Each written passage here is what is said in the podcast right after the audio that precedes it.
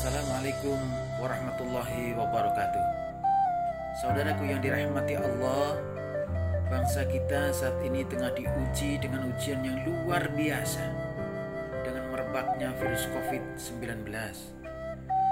Sebagai manusia terdidik, tentunya kita dituntut untuk berupaya mengetahui segala kejadian ini secara ilmiah.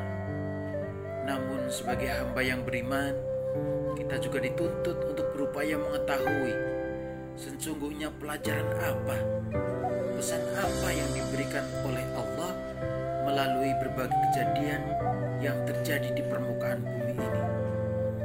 Karena setiap kejadian di muka bumi ini sesungguhnya adalah pelajaran, materi pelajaran, pesan dari Allah Subhanahu wa taala. Inna fi dzalika liulil albab.